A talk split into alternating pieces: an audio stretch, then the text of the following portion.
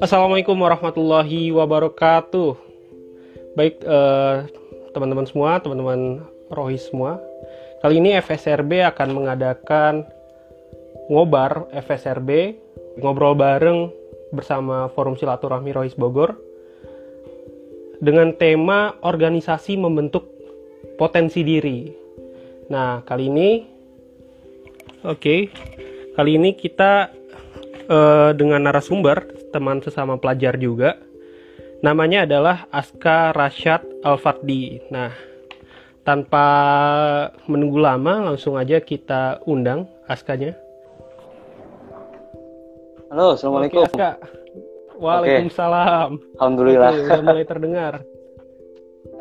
Oke, uh, ya. sebelumnya kita bacain dulu uh, keterangan Aska nih atau uh, CV-nya. Aska ini adalah protokoler Warcap Kota Bogor, lalu juga e, bergabung dengan Paskibra di e, sekolahnya SMA 1 Bogor, Pandawa 16, lalu juga merupakan anggota DKM Arohmah SMA 1 Bogor, e, dan juga anggota Liman Seta Wijaya Kusuma. Lalu Aska juga e, punya penghargaan, piagam penghargaan pengucap doa upacara peringatan Hari Pramuka ke-59 tahun 2020 Piagam Penghargaan Jambore Pelajar Duta Air Jawa Barat 2019, juara dua Lomba Cerdas Cermat Keluarga Sadar Hukum tingkat Jawa Barat, dan Piagam Penghargaan Olimpiade Sains Nasional Bidang Ekonomi tingkat Kota Bogor. Oke, uh, itu adalah profil singkat tentang Aska. Nah, mungkin Aska bisa dijelaskan uh, yang tadi itu protokoler, paskibra, DKM, Arohma, Liman Setawijaya Kusuma. Uh, Aska posisinya posisinya di sana sebagai apa? Terutama nih yang uh, protokoler. Protokoler tuh ngapain sih? Soalnya kurang uh, kurang uh, akrab di telinga kita tentang protokoler. Oke makasih nih uh, Helmi. Oh ya sebelumnya apa kabar Mi? Apa kabar baik. nih baik. Udah lama nih kita nggak ketemu ya. Baik alhamdulillah ya uh, tadi ya protokoler. Uh, nih kita saya apa gua apa gimana nih? Biar nggak salah. Bebas bebas. Bebas oke. Okay. uh, gue lu aja ya. Menyesuaikan. Menyesuaikan. Uh, gue berkecimpung ke dunia protokoler. Pertama pertama uh, protokoler. Apa sih protokoler itu? Protokoler itu bisa dibilang uh, orang yang mengatur jalannya sebuah acara dan bisa dibilang juga sebagai ajudan dari suatu pimpinan. Di suatu perusahaan tapi biasanya di suatu pemerintahan. Seperti contohnya kalau kita tahu Pak Presiden Jokowi, dia punya protokolernya sendiri. Oleh diatur oleh uh, protokolernya. Mulai dari tempat duduknya mulai dari apa namanya uh, apa namanya uh, duduk uh, duduk di sebelah mana naik mobil yang mana nanti harus bagaimana itu itu tugas protokoler. Dan gue juga di protokoler kuartir cabang kota Bogor ya tadi mengawal jalannya acara mengatur apa mengawal juga uh, ketu, uh, ke, apa pimpinan atau ketua kuartir cabang kota Bogor. Kurang lebih itu untuk protokoler itu sendiri kalau jabatan di Paskibra, DKM, sama Liman Seta, Wijaya Kusuma nih, boleh tahu nggak apa nih aska posisinya di sana? Oke, uh, Lima Seta Wijaya Kusuma kan ya, ya teman-teman yang lain mungkin belum tahu ya. Uh, Lima Seta Wijaya Kusuma itu atau LSWK uh, eh, itu adalah pramukanya SMA SMA 1 Kota Bogor. Nah, gua di SMA 1 Kota Bogor tuh ya kebagian di bidang kegiatan dan teknik kepramukaan. Anggota aja, nggak lebih dari itu. Itu untuk di LSWK sendiri ya apa Lima Seta Wijaya Kusuma. Kalau di Paskibra kalau di Paskibra di SMA 1 namanya Pandawa 16 gua uh, kebag alhamdulillah dapat jabatan sebagai kepala bidang rohani. Gitu. Terus satu lagi ya tadi apa uh, eh, DKM kalau DKM uh, eh, gue kebagian sebagai kepala bidang uh, rumah tangga atau kepala depan departemen rumah tangga di DKM Arohmah tapi itu tiga jabatan yang ada di LSWK yang di pramuka sekolah yang ada di apa namanya DKM yang di Pandawa udah beres semua tinggal protokolernya aja yang belum beres kurang lebih gitu Elmi hmm. oke okay. nah sih ikut banyak-banyak organisasi. Dan ya pramukanya dua nih ada protokoler sama ada yang di sekolah. Nah kenapa sih alasannya harus ikut banyak organisasi bagi Aska? Sebenarnya bukan bukan harus ikut apa namanya bukan harus ikut e, banyak organisasi itu enggak. Cuman di mana passion kita aja. Kayak gue passion gue ya di dunia kepramukaan berbakti pada masyarakat agamanya juga apa agamanya agamanya juga harus dipertahankan. Kalau pas kibra nih ya jujur aja pas kibra. Awal-awal tuh gue cuman iseng doang serius. Iseng doang uh, itu pas kibra. Iseng kayak itu tuh waktu itu Pandawa tuh ya pas semansa uh, itu eskul pertama kali yang apa namanya open recruitment gitu loh.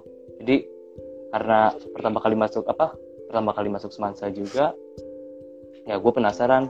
Oh udahlah ikut aja nih ikut apa isi formulir. Ya alhamdulillah hmm. mulai dari hal yang iseng. Jadi jadi dapat ya posisi yang pas lah.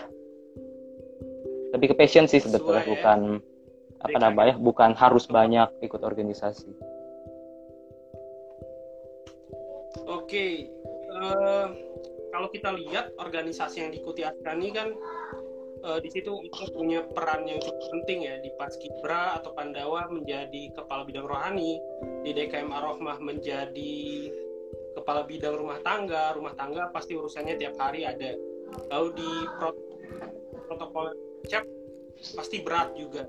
Belum lagi ada sekolah, sekolah SMP 1 katanya kabarnya tugasnya banyak. Nah, kan membagi waktu itu semua antara eh, organisasi-organisasi uh, tersebut dengan ekskul dengan uh, tugas-tugas sekolah juga.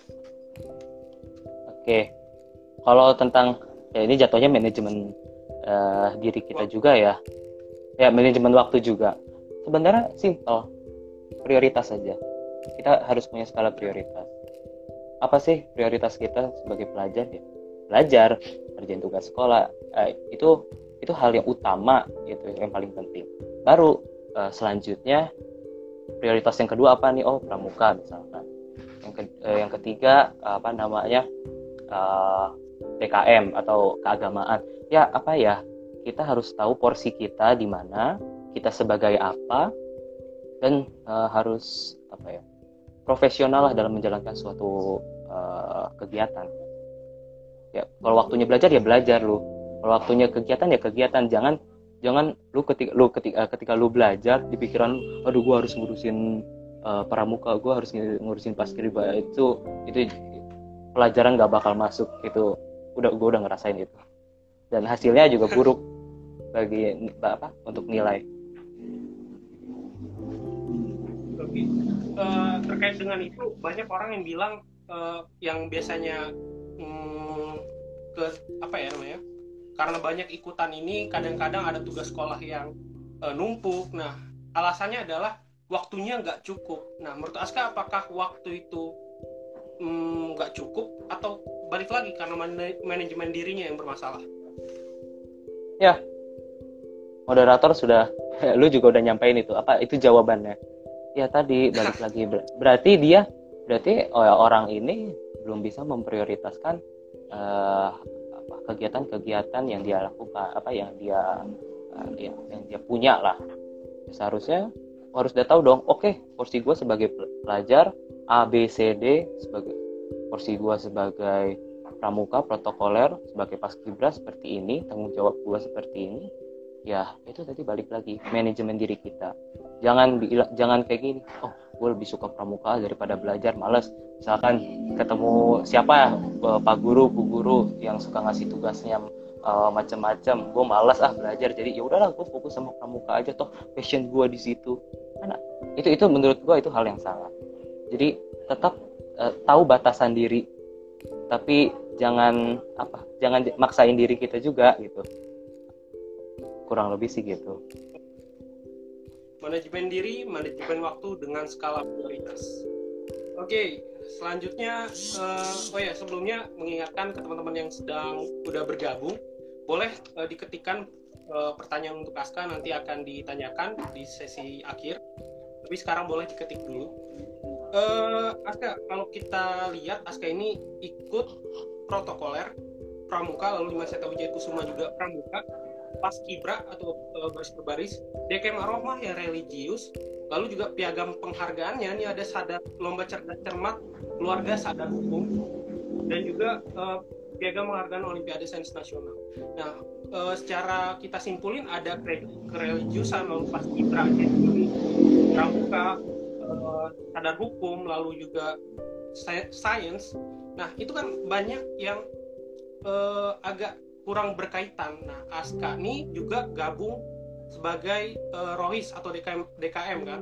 Nah, sebagai seorang uh, anggota Rohis atau DKM, gimana pandangan Aska terhadap stigma kalau anak DKM atau Rohis itu hanya ikut lomba-lomba yang misalnya ataupun aktif di uh, yang religius atau keagamaan. Misalnya cuma ikut lomba LCC, PAI atau lomba hafalan Quran. Nah, kalau kita lihat Aska kan beda nih Nah, kalau pandangan Aska terhadap stigma anak rohis seperti itu gimana?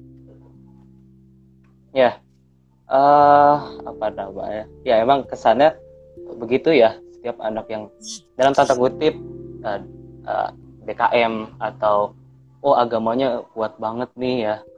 Jadi lu harus ya udah ngejalanin apa yang kata agama. Maksudnya kayak ya udah gue ikut lomba cerdas cermat tadi kata lu kan cerdas apa LCC tentang keagamaan entah itu misalkan ikut lomba tentang keagamaan yang lain. Kalau dari gua sendiri ya kita apa itu setiap orang punya prinsip masing-masing. Gua harus fokus di mana gua lebih suka di mana itu eh, itu terserah orang. Nah kalau gua lebih kayak gimana ya? Gua juga harus ngikutin perkembangan zaman. Bukan berarti agama dikesampingkan itu itu salah. Justru agama sebagai uh, apa namanya sebagai apa ya parameter kita untuk uh, parameter kita untuk uh, melakukan kegiatan-kegiatan kayak tadi ya olimpiade segala macam. Uh, kalau menurut gue sih gitu. Eh sorry ya kalau misalkan susah di mengerti kalau menurut gue gitu ya balik lagi ke passion orang ya. Bukan berarti orang yang apa namanya orang yang sudah ikut DKM yang alim ya dalam tanda dalam tanda kutip ya alim segala macam itu pasti oh gua harus uh, agamanya harus kuat. Gua uh, akan apa namanya nggak mau lah mikirin duniawi segala macam lah.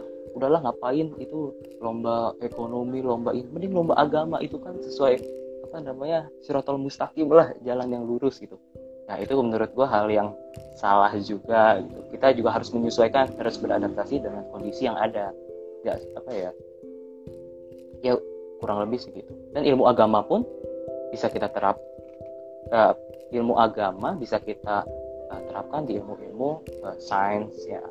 Seperti itu. Hmm. apa Aska udah ini kali ya punya pengalaman? Uh, itu kan tadi stigma dari non DKM nih pertanyaan. Tapi kalau dijelasin Aska ada stigma dari anak DKM-nya mungkin? Ada beberapa yang ya, ngapain sih sains nasional dalam dengan ikut yang religius aja nggak bidang-bidang lain Aska ada pengalaman gitu atau gimana nih Aska oh kalau sejauh ini. Oh ya perlu di apa perlu klarifikasi ya. Gua ikut Olimpiade Sains tuh sampai kota doang dan itu kalah. Ya belum rezekinya. Itu yang nonton perlu apa harus tahu lah. Ya alhamdulillah uh, di SMA 1 dan teman-teman DKM alhamdulillah gak ada tuh yang bilang apain sih lu uh, uh, apa ya mengejek lah. Uh, alhamdulillah gak ada malah kebanyakan selalu mensupport.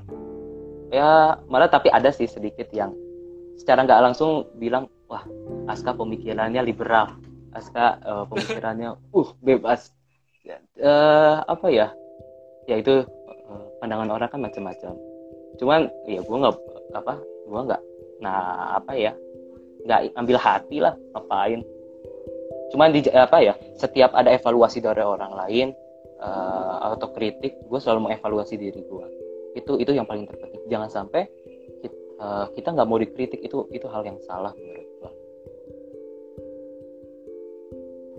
oke. Okay. uh, eh, sekali lagi diinfokan ya kepada teman-teman yang lagi bergabung nih ada 12 eh 11 12 orang Nah, kalau ada yang ingin pertanyaan untuk Aska, silahkan diketikkan di uh, kolom komentar. Nanti kita akan tanyakan di sesi akhirnya.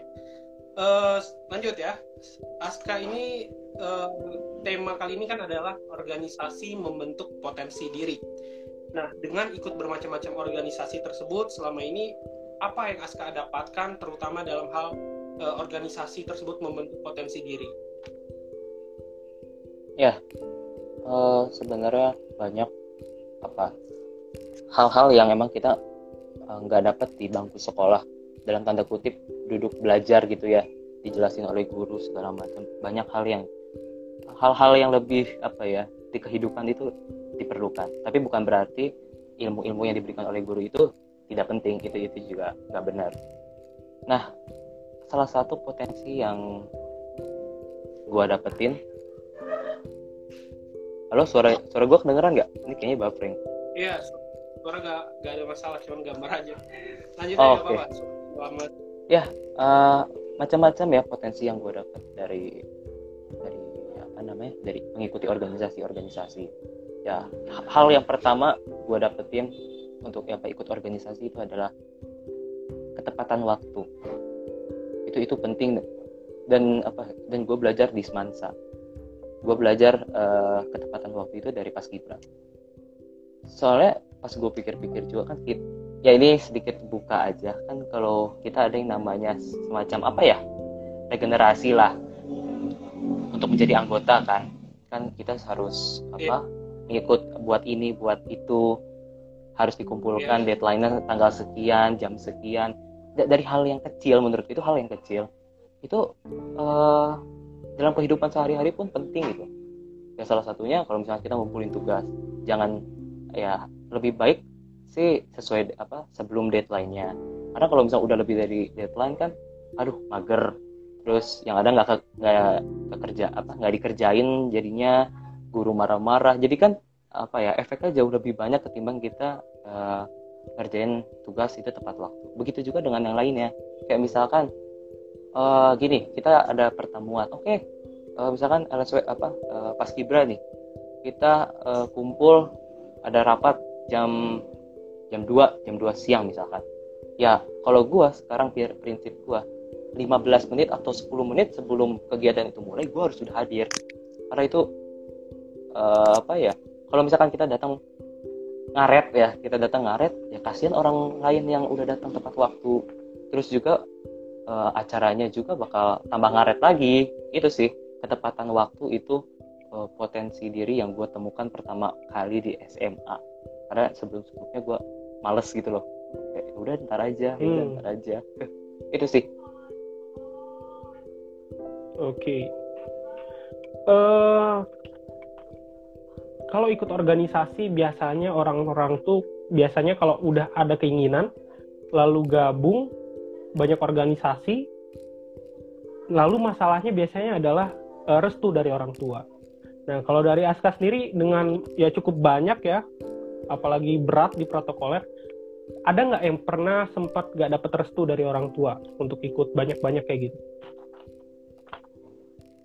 Kalau nggak salah nggak pernah. Cuman orang tua lebih nggak pernah nggak pernah. Cuman orang tua lebih menekankan kayak gini. Oke okay, kamu mau ikut A misalkan oh sorry hmm. ikut pramuka misalkan. Kamu siap kegiatannya segala macam. Kamu ikut pas kibra kamu ikut ini belum kamu belajar kamu belum kamu sekolah di Semansa yang katanya tugasnya banyak kamu sanggup?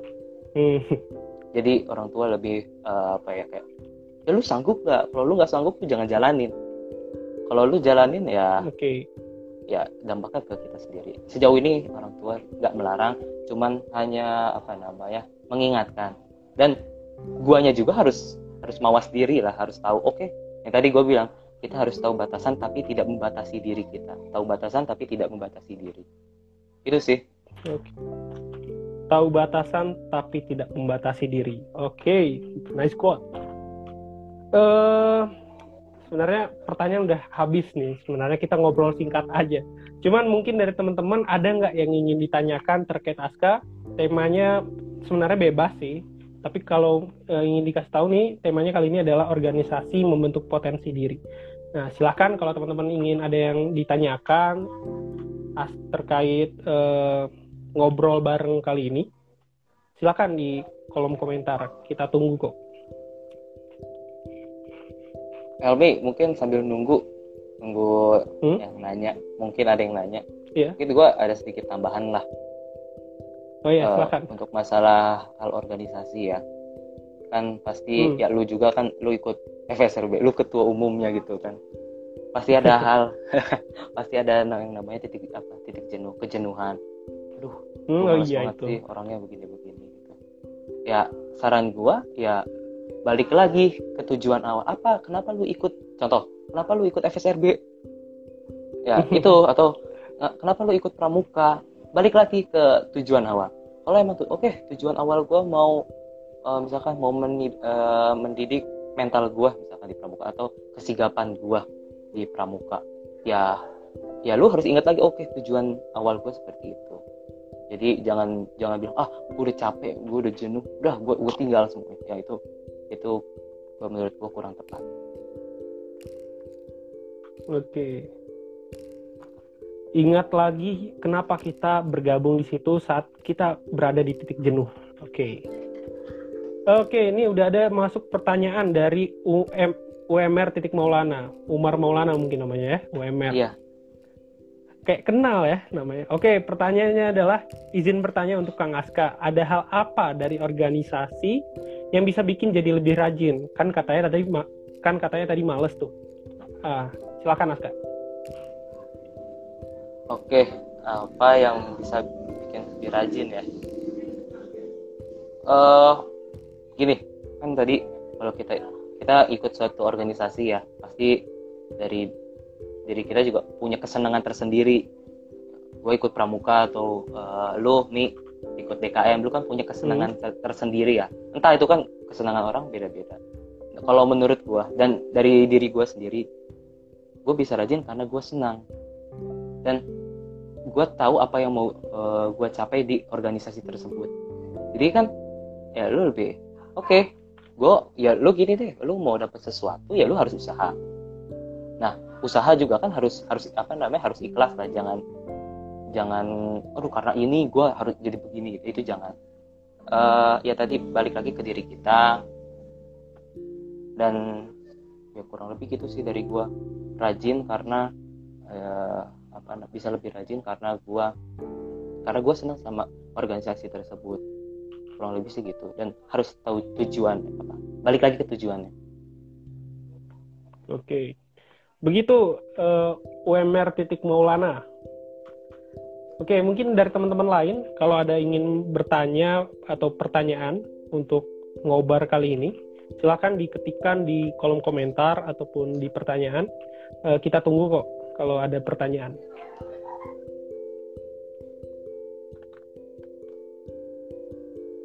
Iya, sama itu nih uh, oh ya apa ya mungkin bisa dibilang gue termasuk orang yang beda sama orang lain ya gue juga nggak tahu ya ini gue sih mena gue menafsirkan diri gue sendiri kalau gue gini loh kalau misalkan kita dapat suatu amanah dalam tanda kutip jabatan atau walaupun cuma hmm. sebagai anggota kan di situ kita punya tanggung jawab nah kita juga kan diajarkan oleh agama kalau ya tanggung jawab itu penting urusannya bahasa tingginya gitu ya dunia akhirat gitu loh lu apa akhirat lu bertanggung jawab di akhirat hmm. nanti lu hmm. harus bertanggung jawabkan walaupun posisi sekarang ya lu kan orang kan pasti kira ah ya udah anak SMA doang kok masih SMA belum belum belum dewasa dewasa banget atau belum kuliah jadi ya udahlah yeah. santai aja kalau dari gue diri gue pribadi tanggung jawab itu nomor satu karena tanpa tanggung jawab balik lagi suatu organisasi tidak bisa jalan.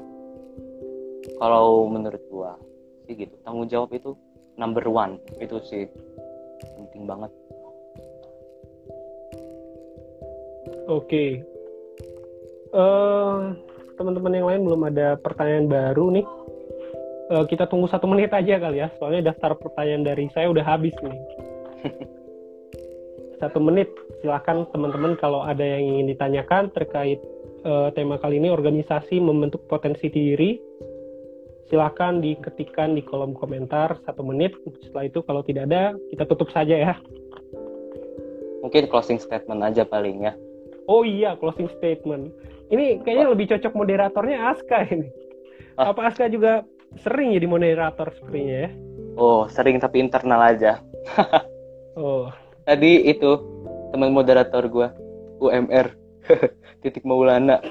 Nggak tahu deh masih ada apa enggak. UMR UMR internal apa? UMP ya. Ah, oh. kita langsung aja uh, closing statement dari Aska. Mungkin ada harapan pesan atau apa? Uh, mungkin tema kali ini lebih relevan ke teman uh, adik-adik yang baru bergabung di SMA kelas 10 biasanya mungkin masa-masa ini udah mulai gabung ekskul. Nah mungkin yang pengen gabung ekskul banyak ataupun organisasi banyak apalagi di SMA udah mulai banyak ya dibandingkan SMP organisasi yang makin luas. Uh, gimana pesannya uh, apa dengan banyak itu untuk tetap membagi prioritasnya? Nah silakan Aska. Pesan untuk uh, adik-adik terutama mungkin. Ya mungkin pesan dari gua ya sama aja sih tadi dari pembicaraan kita. Kalau udah ikut yang namanya organisasi harus tahu apa tujuan kita ikut organisasi itu. Ya kan tujuannya apa? Terus juga uh, pasti kan udah tahu ya feedbacknya. Kalau misalkan gua ikut kita ikut kegiatan apa organisasi itu kita tahu feedback ke, uh, ke kitanya apa. Tuh terus skala prioritas kita harus memprioritaskan mana yang lebih penting mana yang tidak penting. Jadi diurutkan dari tidak pen, apa paling penting hingga tidak tidak penting. Itu itu penting dalam manajemen uh, diri dan manajemen organisasi itu penting. Uh, dan juga uh, apa ya buat diri kita enjoy sama organisasi itu. Ini bukan masalah organisasi aja untuk kerja untuk belajar lu lu juga harus enjoy. Kalau lu nggak enjoy kan anjir ini ini apa apa ini apa gitu oh, aduh gue nggak ngerti rumus ini atau gue nggak ngerti apa gitu kan kalau lu nggak enjoy kan jadi pusing sendiri. Jadi buat diri lu enjoy dalam melakukan apa pun itu entah itu pekerjaan rumah entah itu disuruh mama ngepel ya buat lu diri lu enjoy dan buat apa yang lu kerjain adalah pahala.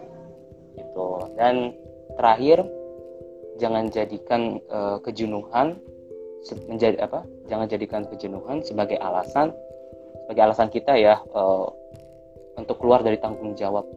Karena ya tadi tanggung jawab nomor satu oke okay. oke okay, jangan jadikan kejenuhan sebagai alasan untuk lepas dari tanggung jawab Oke, okay, sekian uh, mungkin ngobar FSRB kali ini. Uh, terima kasih teman-teman yang udah hadir dan juga terima kasih Aska yang udah meluangkan waktunya. Uh, mungkin kita tutup aja langsung ya.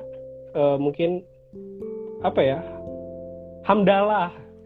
Oke, mari kita tutup dengan hamdalah. Alhamdulillahirobbilalamin. Oke, sampai jumpa uh, di ngobar FSRB selanjutnya. Terima kasih. Ya. Makasih banyak Helmi. Assalamualaikum. Yuk, sama-sama. Waalaikumsalam.